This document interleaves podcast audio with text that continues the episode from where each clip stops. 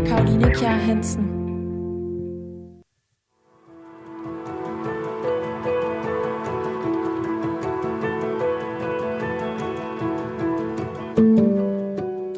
Hvordan føles det at researche i et drab, der bliver begået i og af ens omgangskreds? Og hvordan føles det egentlig at skrive og udgive en bog om selv samme drab? Det ved Morten Pape, for det voldsomme og virkelige drab på en 16-årig dreng med indvandrerbaggrund, som blev begået på åben gade i Amager i 2008, danner rammen om hans seneste roman, Guds bedste børn. Måske kan du allerede nu afsløre, hvem af de involverede du kendte, Morten? Jeg kendte en af de tre involverede. Ikke den primære gerningsmand, men den, som øh, kørte den bil, som gerningsmænd øh, transporterede sig selv rundt i. Guds bedste børn er Morten Papes anden bog. Men det er den første, som han har været ude og researche til. Det var en research, som tog ham tilbage til Amager i København, hvor han selv er opvokset – den tog ham ud på ungdomsfængsler og via socialarbejdere ned i journaler af utilpassede unge. Alt sammen noget, vi skal høre mere om nu. For du lytter til Mellem Linjerne. Programmet, hvor jeg taler med nogle af Danmarks dygtigste forfattere om de forberedelser og oplevelser, der ligger før deres bøger kunne skrives. Alt det research-arbejde, som de har været ude i, og som ligger mellem linjerne, i deres bøger. Og øhm, Morten Pape, hjertelig velkommen til Mellem Linjerne. Mange tak for det.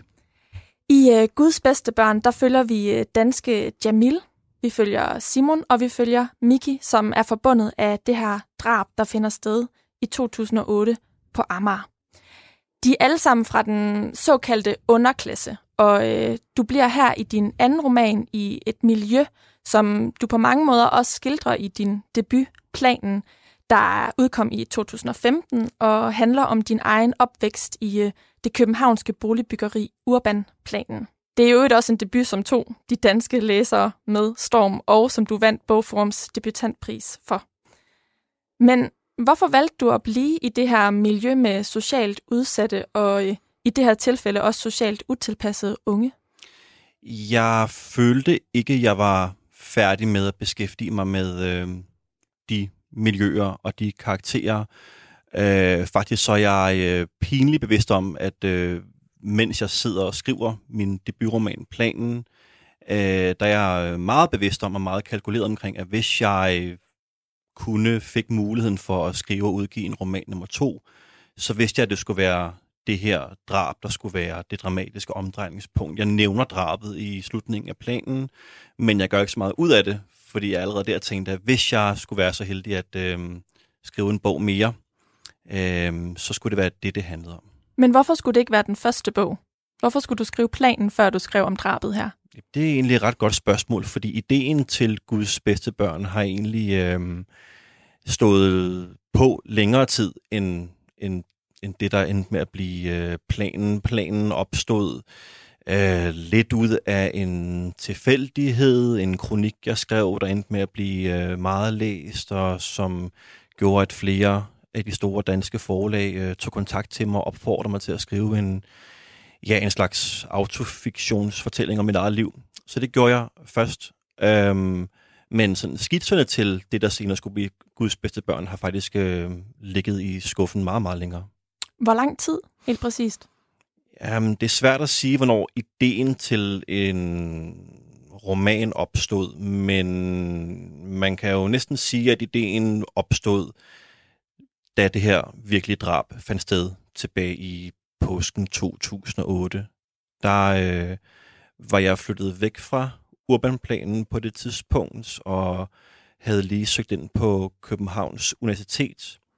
Og øh, min bror var også flyttet væk og vi, jeg tror, jeg følte, at jeg på en eller anden måde havde gang i noget, der kunne måske blive til en opbyggelig fremtid. Jeg havde en kæreste, der kom fra Østerbro, og jeg kunne bare mærke, at hver gang hendes venner eller bekendte var i medierne, så var det fordi, de gjorde sig selv, øh, de udmærkede sig ved noget positivt. De sang i pigekoret nytårsaften, eller havde, var iværksætter eller havde et bane på bookelisten, og hver gang mine venner var i medierne, så var det fordi, de havde begået kriminalitet eller brændt bygninger af, eller i det her tilfælde øh, været medskyldig i et, øh, i et horribelt drab.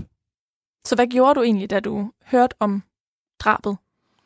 Jeg blev chokeret, og så alligevel ikke så overrasket, da jeg hørte, at en af mine gamle kammerater havde været involveret i det. Der var noget, øh, det kan lyde meget kynisk, men der var noget lidt håbløst forudsigeligt over det.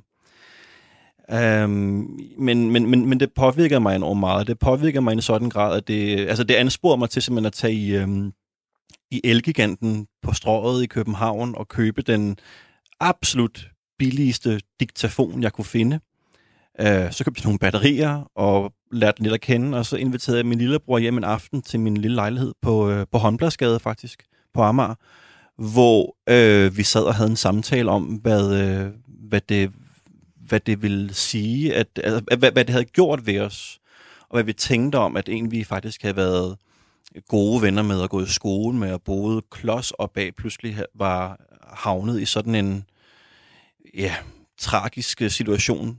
Øhm, mens vi, så sad vi og snakkede om det, mens vi kunne se gamle billeder af ham og min bror og, og mig, der sidder i, i vandrotten i Bonbonland for eksempel. Måske skal vi lige høre helt præcist, hvad din relation til mm. den ene gerningsmand var. Ja, det er klart. Min relation var dybest set, at øh, den her øh, dreng, som jeg jo kendte ham som, boede øh, også i Urbanplanen på Amager, hvor jeg voksede op. Han boede i rækkehusblokken lige overfor. Vi gik som sagt i skole sammen. Vi var meget tætte venner. Og vi var sågar også på et tidspunkt at betragte som bonus øh, søskende, fordi at øh, hans mor og min far en overgang øh, var kærester. Så faktisk opstår ideen til Guds bedste børn helt tilbage i 2008. Der opstår i hvert fald øh, nogle tanker inde i mig, men jeg, på det tidspunkt kan jeg ikke finde ud af at, øh, finde ud af at, øh, at omsætte det, eller tænke i, at det skulle øh, være en, en fortælling, jeg på en eller anden måde skulle, skulle komme ud med. Jeg, jeg øh, var trods alt ikke så opportunistisk, at jeg på det her tidspunkt tænkte, at det her skulle blive en roman. Men øh, jeg kan huske, at jeg nogle år senere øh, læser en artikel, øh, hvor en journalist har fået agtindsigt i min gamle kammerat og de to andre gerningsmænds socialrapporter. Og dybest set handler artiklen om, hvorvidt at... Øh, ja, hvad skal man sige, Københavns Kommune, forældrene, alle de voksne, måske kunne have forhindret det her umotiverede drab i at finde sted, øh, fordi at øh, alle, alle advarselslamperne, de, de, de blinkede og bulrede og larmede i forskellige år. De her drenge havde været myndighedernes søgelys, siden de var ganske unge. Og da jeg ligesom fik den vinkel på det, så tænkte jeg måske, at der kunne ligge en, en endnu større tragedie øh, og en endnu større tragisk fortælling, fordi nogle gange så er årsagen bag selve, selve tragedien jo næsten lige så tragisk. Øhm, og jeg tror, det var der, hvor jeg tænkte, at her kunne der måske være en fortælling, der både kunne fortælles ud fra offrenes og bødlernes synsvinkel. Men overvejede du på noget tidspunkt ikke at give dig i kast med det, fordi nu nævner du selv ordet tragedie. Mm. Hvorfor var du draget af, af tragedien her? Fordi det var en tragedie med mange øh, undertemaer. Altså, for den uindvidede lytter, så handler det jo om et, efter, efter, altså, efter min mening, et, et fuldstændig uh, umotiveret, men alligevel enormt racistisk motiveret uh, overfald, en, en såkaldt hate crime. Tre danske drenge, hvor to af dem har en bande, der hedder DKP, der står for Danmark knuser perkerne, og som har en lang track record med overfald på indvandrere på Amager de kommer, øh, de stanser foran to øh, unge drenge med anden etnisk baggrund, som går med aviser og holder en frokostpause, så stiger de ud af bilen og spørger, hvad de her perkersvin glor på, slår en af dem i hovedet med en fastelavnskølle. Den ene dreng, der får slaget, øh, dør. Øh, det var ligesom det ene af det. Det handlede ligesom om, hvad skal man sige, fremmedhed og racismen, som jeg jo havde skrevet om i planen også. Øh, og så handlede det også om den her velfærdstragedie, altså om verdens efter sine lykkeligste, mest lige, mest socialt velfungerende land. Det her tornerose narrativ vi har af Danmark. Men jeg vil også gerne fortælle om bagsiden af medaljen med den her øh, lidt naive selvforståelse, og om de børn og unge, der falder fuldkommen igennem det her system, som vi, tror jeg, langt hen ad vejen øh, har en formodning om, griber og redder alle. Og det er langt fra tilfældet. Og selvom scenerne i dine to bøger, de minder om hinanden, så er der stor forskel på den måde, som du arbejdede med bøgerne, fordi arbejdet med Guds bedste børn var præget af stor research, og den skal vi dykke ned i nu. Du lytter til Mellem Linjerne. Jeg hedder Karoline Kjær Hansen. Og i dag taler jeg med forfatter Morten Pape om romanen Guds bedste børn, som tager afsæt i et drab foretaget af nogle mennesker i hans egen omgangskreds. Og nu har vi netop talt om, at øh, miljøet det minder meget om øh, det, du skriver om i din selvbiografiske debut, Planen, og som du også har haft inden under huden selv, men alligevel så fandt du det nødvendigt at researche til den her roman. Hvorfor det? Ja, man kan sige, det, det, det var noget, jeg øh, fandt bydende nødvendigt, fordi jeg, jeg jo havde netop havde skrevet en total research-fri roman, som var planen. Der var jo altså mit eget liv, det havde jeg jo researchet i, i løbet af 28-29 år, da jeg sidder og skriver den. Men da jeg skal skrive Guds bedste børn, så øh, må jeg jo nok erkende, at selvom jeg blev øh, rost og kaldt for en øh, autentisk stemme, der vidste, hvad han talte om, så skal man jo også passe på, at det ikke bliver en, en magt, man kan udnytte og på en eller anden måde øh, anerkende sine egne blinde vinkler og ignorance. Og der var mange ting, jeg ikke kendte til. Og øh, mange ting i forhold til, hvad skal man sige, øh, selve sagen og nogle af de arenaer, jeg ønskede, der skulle være med i romanen. Du nævnte selv øh, fængsler, øh, socialarbejde, retssale, øh, retssager, øh, alle mulige øh, miljøer, som pludselig var meget fremmede for mig, som jeg følte, jeg var forpligtet til at, at tjekke lidt op på. Ja, og selvom at du jo har rod i miljøet selv, så har du også formået at bryde ud af det på, den, på en måde, kan man sige. Den første, som du tager kontakt til, det er øhm, drengen, som uddelte aviser, sammen med den anden dreng, som jo desværre blev dræbt af jævnaldrende etniske danske drenge. Mm. Han blev overfaldt med en faste lavnskølle, og de slog ham til blods, og han døde efterfølgende på grund af kvæstelserne. Først skal vi ikke lige prøve at høre, hvordan du egentlig beskriver drabet i øh, romanen. Det er faktisk i prologen, så det er noget af det allerførste, vi som læsere møder i romanen. Det er netop de allerførste linjer fra prologen. Det lyder sådan her. Flere sirener, hyletoner flokkes om hans ører. De gælder mod husmurene nede for Håndbladsgade. Han har hørt den lyd for mange gange til ikke at reagere på den. Men denne gang bliver han alligevel stående. Denne gang er lyden underligt beroligende. Oppe i lejligheden omkring ham har beboerne åbnet vinduerne. Hvor længe har de stået der? Han kan ikke længere huske, hvornår alt det her skete. Tiden har mistet sin relevans. Ansigtet føles koldt og klamt. Indeni trumler blodet rundt, orkestreret af et dundrende hjerte. Ambulancen parkerer lige ved siden af Seki. Redningsfolk springer ud af køretøjet og tilser ham. Mange stemmer blandes ind i hinanden. Politi, ambulancefolk, tilskuere bag afspærringen, der netop er blevet sat op. Jamil hører alle stemmerne, både dem udefra og indefra. Skal du smage battet, dit perkersvin? Det sagde ham, den buttede af dem. Ham, der slog med køllen. Ham med de sløve øjne. Det eneste, der tydeligt lyste ud af ham, var nydelsen ved hadet. Den sad godt, den der. Det sagde ham den høje af dem. Ham, der kørte. Ham, der steg ud af bilen med en kødhammer i hånden. Blodet fra Sækkis næse er stadig vådt, boblende og lyserødt. Måske bliver det ved med at sive ud af ham. Hans hoved ligger lidt skævt mod venstre. En iltmaske med slanger kravler på Sækkis ansigt som en stor plastikkakkelak. De bærer ham ind i ambulancen, smækker dørene hårdt og støjende. Måske vågner han af det. Betjenten står med blok og kuglepind og forsøger at afhøre Jamil. Men han kan ikke samle sig om det. Han vil bare gerne hen til Seki, trykke hans hånd og høre ham fortælle, at han har det godt nok. Det er en meget rammende og voldsom og berørende scene, synes jeg. Virkelighedens Jamil, Mm. det er den dreng, som inspirerede dig til Jamil. Han hedder Mohammed, og det er ham, som du tager kontakt til. Hvordan gør du det? Det gør jeg øh, helt simpelt ved at sende en venneanmodning på Facebook, tror jeg, og så derefter sende ham en besked derigennem.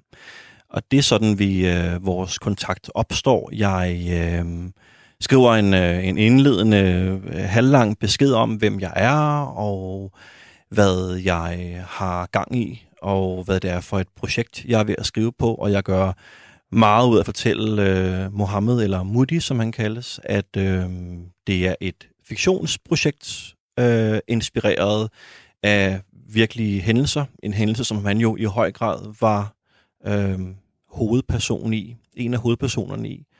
Og jeg spørger ham simpelthen, om han har lyst til at drikke en kop kaffe, og fortælle mig lidt om, hvordan han oplevede det, og øh, bare skabe en eller anden form for kontakt. Øh, ikke nødvendigvis gå lige på hårdt med et decideret interview, men også sådan etablere en kontakt til det her menneske, som jeg formoder har, øh, har haft en, en ret traumatisk oplevelse øh, på grund af det her drab. Så scenen, vi lige hørte her, den er øh, skabt ud fra hans forklaring. Den er skabt ud fra hans forklaring, mm, og det er jo en meget sådan en, en, en sanseagtig scene, ikke? Flere sirener, og jeg tænker og hy. Altså alle mulige, øh, alle de der øh, mærkelige indre registreringer, man kan gøre sig, øh, når man bliver fuldkommen øh, øh, diffus og øh, chok over noget, der lige er sket. Øh, ja, det er, det er også ikke hans ord, men det er noget, der selvfølgelig er kommet ud af samtalen med ham. Du siger, at du sendte ham en øh, besked på øh, Facebook Messenger. Mm. Hvordan fandt du frem til ham overhovedet? Øhm, altså, jeg, øh, han har ligesom stået frem tidligere øh, i interviews, øh, efter drabet fandt sted i 2008, så det er jo ikke, fordi hans identitet eller navn er, er, er hemmelig eller svær at finde, så det var egentlig ikke, egentlig ikke særlig kompliceret. Var det kompliceret at skabe kontakten til ham? Nej, det viste sig ikke at være. Det viste sig, at jeg var meget hvad skal man sige, usikker på, hvad han ville mene om det her projekt. Det er jo ikke sikkert, at han ville bifalde det. Det er heller ikke sikkert, at han havde særlig meget lyst til at tale om det. Det var ikke sikkert, at han... Øhm, man kunne forestille sig, jeg forestiller mig i hvert fald, at han måske havde gjort alt for at fortrænge det. Men det, der så viser sig, det er, at, at han er enormt... Øh, øh, åbenhjertig og meget ærlig og er sårbar i sin måde at kommunikere på, at fortælle om de her ting og minder fra første sekund af.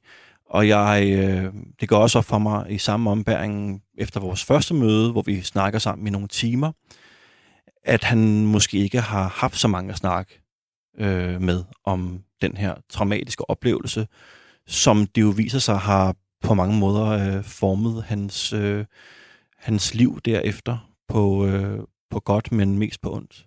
Hvordan var det så at være den, han betroede sig til? Det var en smule ambivalent. For på den ene side, som en forfatter, der researchede, som jo var en af de kasketter, jeg havde på på det tidspunkt og den dag, og de gange, hvor vi snakkede sammen, så var det jo øh, i mangel af bedre ord, øh, fremragende samtaler og fremragende øh, informationer og oplysninger, og den måde, han kunne beskrive sit, sine følelser og sine, sine oplevelser, også efterfølgende, var jo, var jo vildt vigtigt og vildt godt for mig i forhold til at skabe Jamil-karakteren.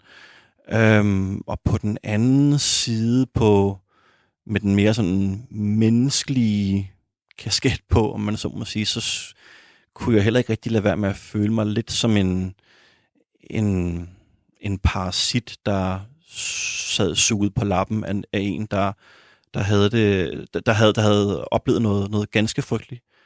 Og jeg gjorde i hvert fald meget ud af, under alle vores samtaler og efterfølgende, og mens jeg skrev, og da bogen udkom, og at forsøge på at, øh, at være så respektfuld over for, for Moody som overhovedet muligt.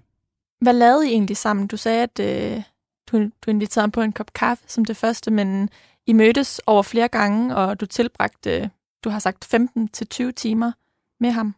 Hvad Ja. brugte de den tid på? Jamen, vi, vi drak ufattelig meget kaffe, og vi mødtes på forskellige caféer rundt om i København. Jeg tror også, vi mødtes øh, hjemme hos mig på mit øh, hjemmekontor, som ligger ret tæt på Lergravsparken på Amager, øh, som er måske 300-400 meter fra der, hvor øh, overfaldet fandt sted.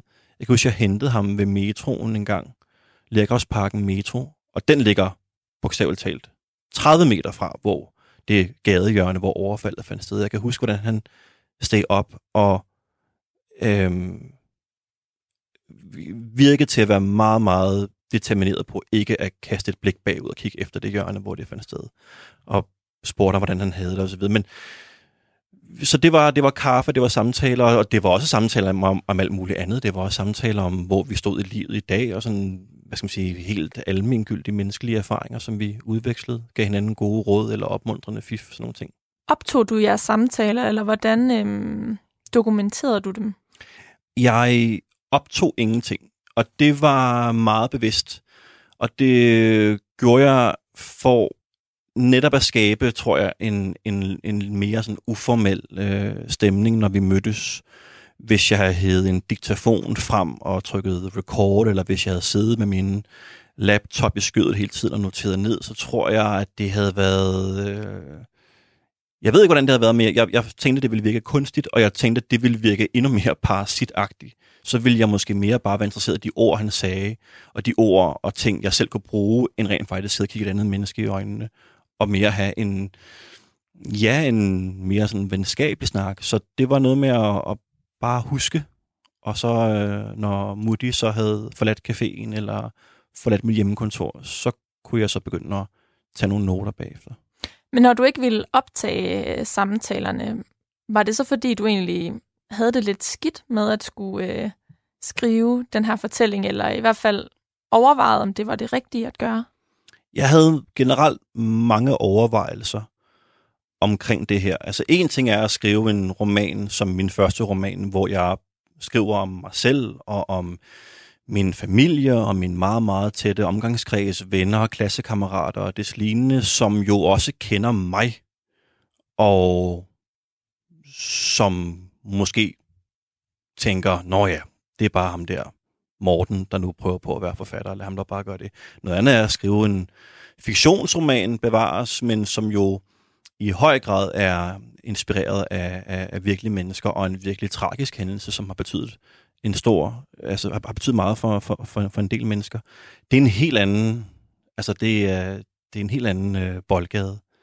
Altså det gør mig rigtig, rigtig, rigtig mange overvejelser over, og jeg kom nok frem til, at, øh, at mit største og alligevel mest øh, kyllingeragtige skjold og våben, det var den her øh, fiktions, det her fiktionsskjold. Øhm, Hvad er det? Fiktionsskjold? Jamen, det er jo sådan noget som at skrive roman på forsiden af bogen. Det er jo netop ikke at skrive et, dokument, et dokumentarisk eller journalistisk stykke arbejde. Alle forfattere tager jo i større eller mindre øh, omfang ting, bider, personer, karakterer, mosaik af virkeligheden, og bruger det i deres egne romaner, uanset hvor, hvor øh, autofiktive eller ikke autofiktive de er. Altså, der, der, det, det bruger man jo hele tiden, og, og alle har vel på en eller anden måde ret til at tage en bid fra virkeligheden, eller store klumper, og køre det igennem ens egen øh, fantasimaskine og fantasibearbejdelse. Og det var, det var på en eller anden måde den bear- bearbejdning af virkeligheden, der for mig at se moralsk legitimeret, hvad jeg havde gang i. Var det også grund til, at du mødtes med Mohammed flere gange og valgte at bruge mange timer med ham, i stedet for blot at lave et enkelt interview? Jamen, jeg tror, at lige præcis den fase med, med Mohammed Moody, øh, det var, som du også nævnte, i den meget, meget spæde indledende fase, hvor jeg, jeg vidste, at jeg ville skrive et, et, et, en fiktionsroman, øh, men jeg var også enormt usikker på, hvad jeg havde... Altså, om jeg overhovedet kunne skrive noget, der ikke handler om mig selv, dybest set. Kunne jeg kun puste liv i romankarakteren Morten Pape, eller altså, havde jeg skrevet mig selv tom i virkeligheden. Og jeg tror, ud fra den erkendelse og den frygt og den præstationsangst, så tror jeg til at begynde med netop, at jeg øh, havde en idé om, at jeg skulle gribe det her meget sådan journalistisk research-agtigt til værks. Øh, og derfor var det så, at jeg brugte alle de her timer sammen med, sammen med Moody. Øh, men på et tidspunkt, øh, så viser vores møder sådan også ud. Der mm. begynder at komme en periode, hvor han øh, ikke rigtig svarer på mine, mine beskeder, og ikke rigtig møder op til vores aftalte møder, og jeg øh, får jo der et indtryk af måske, at, øh, at han måske har fortrudt, eller ikke så godt kan, kan bruge tid på det. Jeg ved også, at Moody er en, en, en sårbar person, man ikke skal, skal presse for meget. Øh, han har mange psykiske men på grund af den her oplevelse med, med overfaldet derfor i, i 2008. Øh, så jeg ved, jeg tænker, at jeg, jeg ikke rigtig skal, skal presse mere, men på det tidspunkt er jeg nok også ved at kunne, hvad skal man sige, give lidt slip på faktaforfatteren og gå lidt mere i gang med fiktionsdelen, og simpelthen begynde at tænke i scener og strukturer, og hvad, hvad der egentlig skal fortælles i den her øh, roman. Og ligesom give det slip på researchen og prøve at lade min fantasi øh, arbejde for mig. Hvad tænker du første gang, han ikke dukker op til et af jeres møder? Jeg tænker, mm, han har glemt det. Altså, når han ikke svarer mig, så tænker jeg, at måske øh, er han træt af mig, eller har fortrudt, eller et eller andet. Overvejer du så at bakke ud af projektet? Nej, det gør jeg ikke. Jeg overvejer på intet tidspunkt at bakke ud af projektet som sådan. Jeg øh, tænker nok over, øh, hvad... Jeg begynder måske at tænke over, hvad en senere udgivelse vil betyde for en som Moody for eksempel. Men jeg, jeg, jeg, det, det sådan demotiverer mig ikke som sådan. Og så forsøger du at komme i kontakt med gerningsmændene efterfølgende. Mm. Mm. Dem tager du kontakt til, som følge af, at Moody han ikke er øhm, kontaktbar længere. Hvordan går det med dem? Jamen, det går ikke så godt i den forstand, at jeg... Øhm, jeg tror, jeg starter med at gøre det samme, som jeg gjorde med Moody, nemlig at sende de her gutter en Facebook-venanmodning meget meget venskabeligt. Meget venskabeligt, meget 21. århundrede moderne måde at kommunikere på, som i gåsøjne venner. Der sker ikke noget der.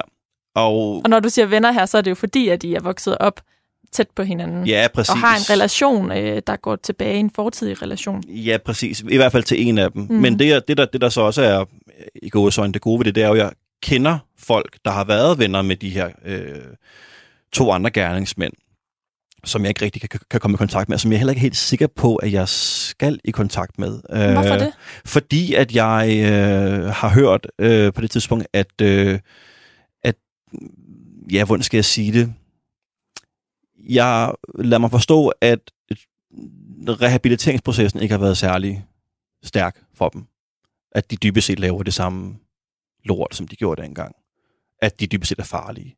Og det får jeg, får jeg bekræftet, da jeg så opsøger nogle venner, som har været venner med de her drenge, øh, og ligesom prøver på at nå ind via dem.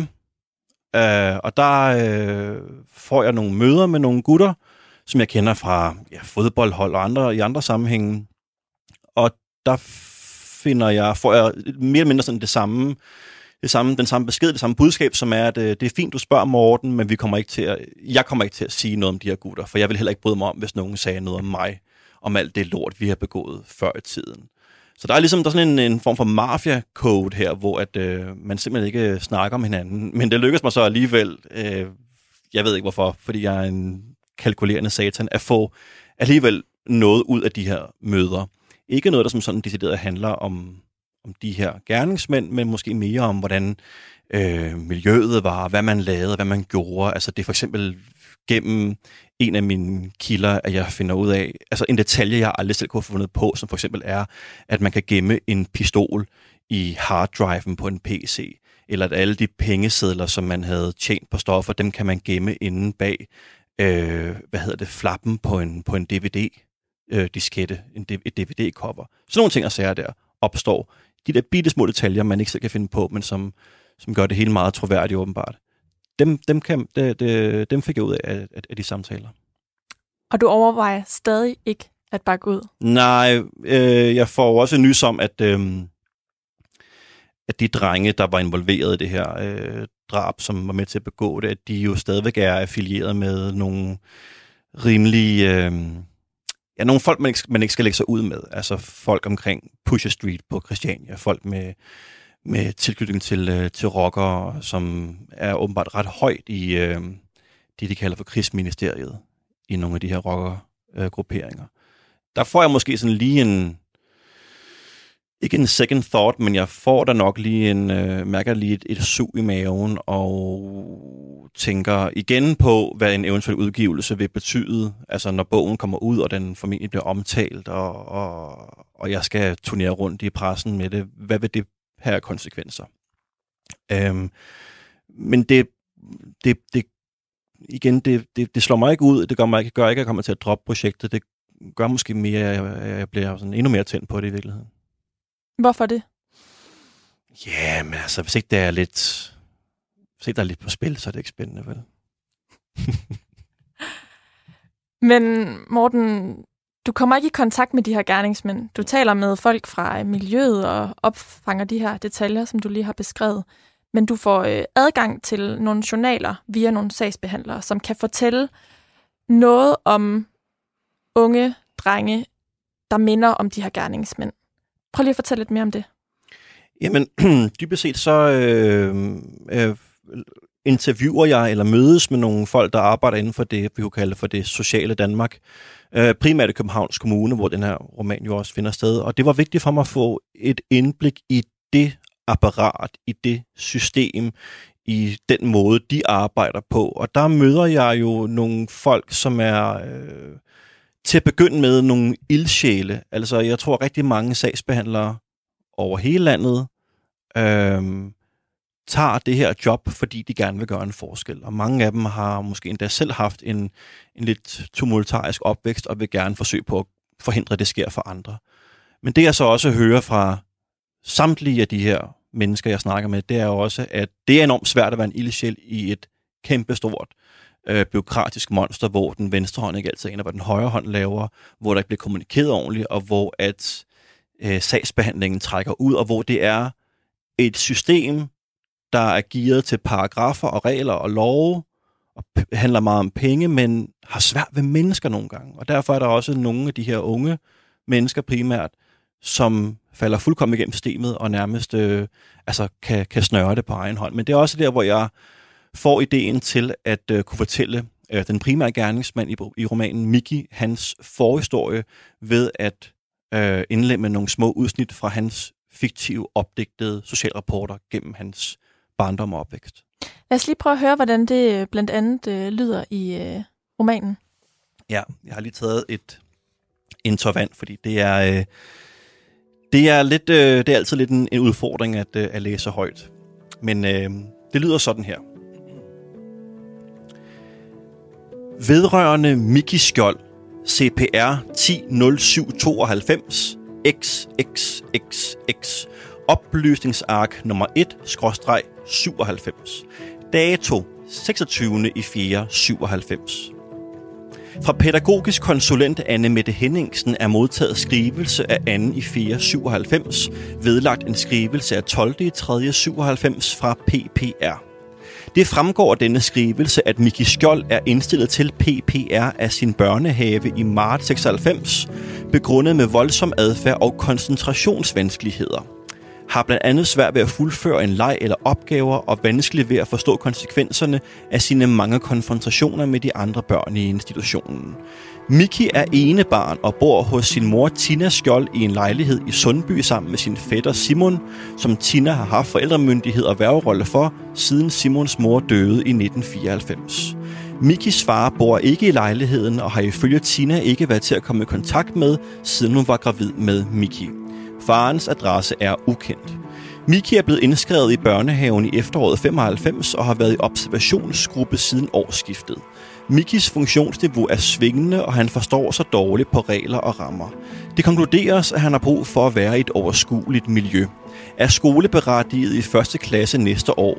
Han magter ikke børnehaveklasse og bør derfor tilbydes en basisgruppe i udflytterbørnehave med støttepædagog. Hans mor har været indkaldt til møde med pædagogisk konsulent og psykolog herom. Moren mødte ikke op og indkaldt til nyt møde. Det fremgår dog af tidligere skrivelser og udmeldinger fra Socialdirektoratet, at der pt. er en ventetid på et år for at komme i udflytter børnehave. Derfor skal det tages med i betragtning, at Miki til den tid vil være for gammel til fortsat at besætte en børnehaveplads. Hvad tænkte du, da du fik øh, adgang til de her journaler? Jeg fik en... Det kan lyde helt absurd, men jeg fik faktisk en ret stor litterær oplevelse ud af at læse eksempler på indberetninger og eksempler på udvekslinger mellem de forskellige øh, afdelinger i det her store sociale monster. Det må du lige forklare. Det må jeg ja, ja. Det, det, vil jeg gerne. Men det er jo øh, det er jo skrevet enormt nøgternt, enormt køligt, konstaterende, enormt koldt, og der er så meget man som læser skal, altså, man, man får ret mange billeder, og der er ret meget, man skal læse selv imellem linjerne. Altså, et, et eksempel her, ikke? Øhm, øh, Mikis far bor ikke i lejligheden, og har ifølge Tina ikke været til at komme i kontakt med, siden hun var gravid med Miki. Farens adresse er ukendt. De to sætninger fylder to linjer, og jeg vil våge at påstå, at man kan sige mindst lige så meget og skabe lige så mange forestillinger op i læserens hoved og fantasi, som hvis jeg havde brugt, lad os sige, 30 sider på at beskrive, hvorfor Mikis far ikke bor i lejligheden længere, hvorfor de ikke kan finde hans, hans adresse. Altså sådan nogle ting der øh, var enormt stærkt for mig at læse. Øh, og så også den her, de her nogle gange lidt, lidt ubehjælpelige konklusioner, der også er. Vi anbefaler det her, men han kan ikke, for der er ventetid. Sådan nogle ting er jo tragikomiske næsten. Og det synes jeg var utrolig interessant at arbejde med rent litterært. Og vi skal måske lige understrege, at øhm, journalen her er en, du er inspireret af ud fra de virkelige journaler, som du fik indblik i. Men faktisk så havde du jo lidt problemer med at øh, få øh, indsigt i øh, journalerne til de her gerningsmænd. Det fik jeg aldrig. Jeg fik aldrig, jeg, jeg ansøgte om det, men jeg fik aldrig lov til det af øh, Københavns Kommune, tror jeg det var. De, de, de gav mig ikke lov til det. Så hvilke fik du lov til at øh, kigge i? Øhm, jamen altså, når man kommer fra Amager og et sted, som jeg gør, så er det ikke svært at finde en gammel kammerat, der måske har været en tur i, i uh, socialforvaltningen. Så, så det var egentlig ikke øh, det var egentlig ikke så besværligt. Hvilken oplevelse gjorde størst indtryk på dig i løbet af researchen? En af de sidste gange, jeg taler med Moody, fortæller han mig, at han tilbage i 2008-9 stykker altså efter drabet er fundet sted, bliver kontaktet af en gut, som er i færd med at lave en dokumentarfilm om det her drab. Inden da har Moody fortalt mig, hvordan han til den første afhøring hos politiet, efter drabet er fundet sted, havde beskrevet hændelsen og havde beskrevet de her klar og tydelige racistiske ytringer, som gerningsmændene kom med. Moody havde sågar et par dage før, måske ville en dagen før, været i God Aften Danmark og fortælle de samme ting. Men da han bliver afhørt af hos politiet, der får han at vide, at det der med, han skal, det der med racisme og alt det der, det skal han tage og stoppe og holde op med at snakke om, fordi det, øh, det er der overhovedet ikke tale om. Og det er jo ret interessant. Det, der er også interessant, og som jeg så finder ud af, øh, at ham her, øh, dokumentaristen også har fundet interessant, det er, at i, og nu befinder vi os i virkeligheden, men den sniger sig ind i romanen. Det, der er interessant og pusse løjeligt, det er, at relativt hurtigt efter, at øh, drabet er fundet sted, og gerningsmændene er blevet fængslet, så går politiet, Københavns politi, ud og fuldkommen afmonterer afkræfter, at der skulle være et racistisk motiv bag det her overfald. Motivet i en drabsag er noget af det sidste, man kan fastslå, hvis man følger en gængs mor øh, undersøgelse, efterforskning. Men her, der bliver det ret hurtigt øh, afmonteret. Det, der så også er virkelig interessant, det er, at i kølvandet på den her drabsag i 2008, så kommer der mindsanden også en udtalelse, en officiel pressemeddelelse med en udtalelse fra daværende statsminister Anders Fogh Rasmussen. Og han følger trop og gentager stort set det, som Københavns daværende, eller Københavns politis daværende drabschef Ove Dahl siger nemlig, at der er ikke noget, der handler om hverken racisme eller islamofobi. Det er en skam, at de rygter har bredt sig. Generelt er der et godt indtryk af Danmark ude i udlandet og i resten af verden. Og det har ham her dokumentaristen stusset meget over. Og det han dybest set har luret, det er, at, at der er noget helt rivragruskende galt bag de officielle myndigheders håndtering af den her sag. Er det Moody, der fortæller dig det her? Det er Moody, der fortæller mig det, og som giver mig navnet til dokumentaristen, som jeg så opsøger og har et møde med. Og han fortæller mig, at han føler sig overbevist om, at Anders få og politiet, men efter ordre for få, gjorde alt, hvad de kunne for at mørklægge den her sag. Det måtte ikke handle om racisme. Hvorfor måtte det ikke det? På daværende tidspunkt, der skal NATO have en ny øh, generalsekretær. Få er på vej ud af dansk politik. Han har vundet sit tredje folketingsvalg. Han vil rigtig gerne have den her post i NATO. Den kan han ikke få, medmindre han får accept fra de største spillere i NATO. En af de absolut største spillere er Recep Erdogan fra Tyrkiet. Dennis Usun, der blev dræbt i 2008, og som Seki-karakteren bygger på, var også tyrkisk statsborger. Og kunne det tænkes, at Anders Fogh vil gøre alt for at neddyse den her sag, så Erdogan ikke tænkte, at han skulle stemme på en kandidat til NATO-topposten, der kom fra et land, hvor Erdogans egen landsmænd blev slået ned på åben gade. Noget kunne tyde på det. Anders Fogh udtaler generelt, at der er et godt øh, billede af Danmark i udlandet. Det her det er nogle år efter Mohammed-krisen. Der er ikke noget særligt godt indtryk af Danmark i udlandet, i hvert fald ikke i de muslimske lande. Og det, der også er pusseløjeligt, det er, at da Dennis Usun bliver begravet øh, hjemme i Tyrkiet, i hans forældres øh, hjemby, der dukker den danske ambassadør i Tyrkiet op til begravelsen, officielt for at kondolere over for Dennis Usuns familie, men uofficielt for at tale med alle de ufattelig mange medier, der er mødt op til begravelsen. Medier fra stort set hele den mellemøstlige muslimske verden. Og der bruger han enormt mange kræfter på at stille op til foran alle kameraer, alle mikrofoner og sige, at det her det havde intet med racisme at gøre. Så racisme bliver aldrig en del af hverken efterforskning eller retssagen. Gerningsmænd slipper med domme på mellem 3 og 4,5 år. På trods af, at man i 2004 indskærpede paragraf 81 lov, som betyder, at hvis man begik en hate crime, for eksempel overfaldt folk på grund af deres seksuelle orientering eller på grund af deres hudfarve, så ville det give en skærpet straf, altså en højere dom. Men det jeg så også finder ud af, det er, at den afdeling, der skulle sørge for at varetage de her paragraf 81 sager om hate crimes, de forsvandt lidt ud i den blå luft og røg ind under PT efter Mohammed-krisen, hvor sagerne om overfald på muslimer i Danmark altså steg enormt højt, steg enormt meget. Og da jeg ligesom får de her informationer og oplysninger, så øh, kan jeg jo næsten ikke tro på, hvad det er, jeg hører. Men jeg sammenholder det med min egen research. Alt det, jeg har fortalt, det er som sådan set ikke noget, der er hemmeligt. Det kan man læse, hvis man finder, googler øh, avisartikler. Alt det der er mere eller mindre offentligt tilgængeligt. Men der er aldrig nogensinde nogen, der har lagt de samme brækker sammen. Øhm, og det medfører, at jeg kontakter en gammel øh, veninde, som er graverjournalist, og sætter hende på sagen. Og hun til at begynde med synes, jeg lyder som en kæmpe sølvpapirsat. Men jo mere hun graver i det, jo mere øh, foruroliget bliver hun også. Og da vi holder vores første møde, efter hun har gravet enormt meget, så beder hun mig bogstaveligt talt om at lægge min telefon i mikrobølgeovnen, det vi skal tale sammen.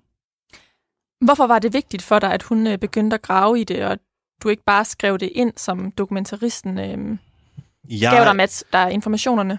Fordi jeg, jeg, jeg tænkte, fordi du, øh, dels fordi dokumentaristen af personlige årsager aldrig nåede at færdiggøre sin research. Han nåede aldrig at færdiggøre den her dokumentarfilm. Øhm, og til dels fordi, at jeg jo tænkte, hvis, hvis det her har noget på sig, så er, er det jo nødt til, det, altså, så skal det undersøges. Det, hvis der er noget om det her, så er det jo en potentiel, altså en politisk skandale, der kunne sende NATO i brand. Øhm, så det var simpelthen derfor, jeg satte hende til at, at, at undersøge tingene, og, og gennem hende får hun adgang til nogle dokumenter og nogle informationer, som jeg ellers ikke ville kunne have få fat i, fordi hun øh, er meget, meget dygtig og formår at få fat i nogle virkelig interessante øh, kilder, der har nogle endnu mere spændende oplysninger. Hvad gør du af de oplysninger? Jeg bruger det i romanen. Der er altså... Lad os lige prøve at høre, hvordan det lyder. Ja, altså som sagt, så, øh, så er det jo en, en fiktionsroman, men, men, men på det her punkt, der var jeg nødt til at, og lade virkeligheden træde ind, så at sige. Så der er en scene hen mod slutningen af romanen, hvor at øh, Jamil i ja, en del år efter at drabet er fundet sted, øh, kæmper med, øh, med psykiske problemer og med at finde sin plads i verden. Øh, han har fået en ny ven, der hedder Philip, som læser på Journalisthøjskolen, og som øh, gerne vil skrive et projekt om øh, Jamils oplevelse med det her drab, og som Philip er ligesom en placeholder for mig. Han er ligesom min stemme. Han mødes så med Jamil på en café, sjovt nok, og der siger Philip det her. Der er altså et eller andet rådent ved hele den her sag om Seki. Ikke med dig, Jamil. Du har ikke gjort noget galt. Men kan du huske, du engang sagde, at du havde været til afhøring hos politiet, og at de ikke rigtig gad at høre på det der med, at gerningsmændene sagde racistiske ting til jer? Jeg tror, det var i sommer, vi snakkede om det. Jamil kigger bare på ham, mens han roterer sin kaffekop med hænderne. Nu må du ikke blive sur, Jamil. Men jeg har fået lidt agtindsigt i sagen, i politirapporterne, læst lidt i nogle journaler, og jeg fatter simpelthen ikke, hvordan politiet fuldkommen kunne afvise et racistisk motiv. Det blev aldrig en del af selve sagen. Og hvad så? Jamen er det ikke lidt underligt? Når nu både du og et andet vidne forklarede politiet, at de to fædre sagde racistiske ting til jer, inden de, inden de gik galt, og når det tydeligt viser, at de her to gerningsmænd havde en lang historie med overfald på indvandrere, har du nogensinde hørt om den bande, der hedder DKP? Jamil ryster på hovedet. De var ikke kommunister, lad mig sige så meget, prøver Philip. Og hvad lavede ham den danske ambassadør i Tyrkiet til Sækkes begravelse? Jamil trækker på skuldrene. Det var da meget pænt af ham at komme. Ja, så han kunne udtale sig til alle de tyrkiske medier om, at han heller ikke mente, at der var noget som helst racistisk bag det her drab. Hvor mange tyrkere, der dør i Danmark, tror du bliver begravet i hjemlandet? Mm, hvor skal jeg vide det fra? En hel del kan jeg fortælle dig. Hvor mange af de begravelser dukker den danske ambassadør op til? Nul. Kan du ikke se det, Jamil? Jamil mærker ubehaget komme krybende. En hjertebanken. Jeg forstår ikke det her, Philip. Hvad er det med mig at gøre? Vil du høre min teori? siger han. Din teori? Min vinkel på den her historie? Jamil nikker forsigtigt. Og så kommer så, ja, teorien. Var det svært for dig at skrive ind? Det var ikke svært. Det var bestemt ikke noget, jeg havde regnet med skulle blive en del af romanen, da jeg satte mig for at skrive den. Det var slet ikke noget, jeg anede, da jeg øh, researchede på sagen til at begynde med. Altså det her, den her arbejde med den her roman har i, i høj grad handlet om en, en hensigt, der ændrede karakter hele tiden, eller et projekt, der bare blev større og vildere og mere omsaggribende, end jeg nogensinde kunne have regnet med. Øhm, og den dag i dag er jeg stadigvæk meget forundret over, at det ikke har vagt mere opsigt, at den her teori bliver fremsagt. Måske er det fordi, at de her anmelder ikke læser bøgerne færdige. Måske er det fordi, at øh, det er for meget mellem linjerne. Måske er det fordi, at øh, det simpelthen ikke er til at begribe. Jeg ved det ikke. Men de sidste ord i romanen er i efteråret, hvor der allerneder står, daværende udtalelser fra drabschef og tidligere statsminister er korrekt citeret. Det er det, man kan kalde et vink med en vognstang. Der er ikke sket det hele store. Men der gik lidt tid, før du nåede til øh, de sidste ord mm. af romanen. Du skulle lige skrive øh, rigtig mange sider først, mm. og øh, det var svært for dig at skrive den. Der var i hvert fald dele af skriveprocessen, der var svær, og øh, dem skal vi tale lidt mere om nu. Du lytter til Mellem Linjerne. Jeg hedder Karoline Kjær Hansen. Morten Pape, forfatter til romanen Guds bedste børn, som vi taler om i dag. Du skrev den på syv måneder. Det lyder vildt i mine ører, fordi at den er ret øh, tyk. Det er en, en mursten, vil jeg kalde den. Det, der var svært ved øh, Guds bedste børn i forhold til planen, det var at finde øh, strukturen på mm. den. Vil du ikke lige prøve at beskrive, hvordan den ser ud i dag?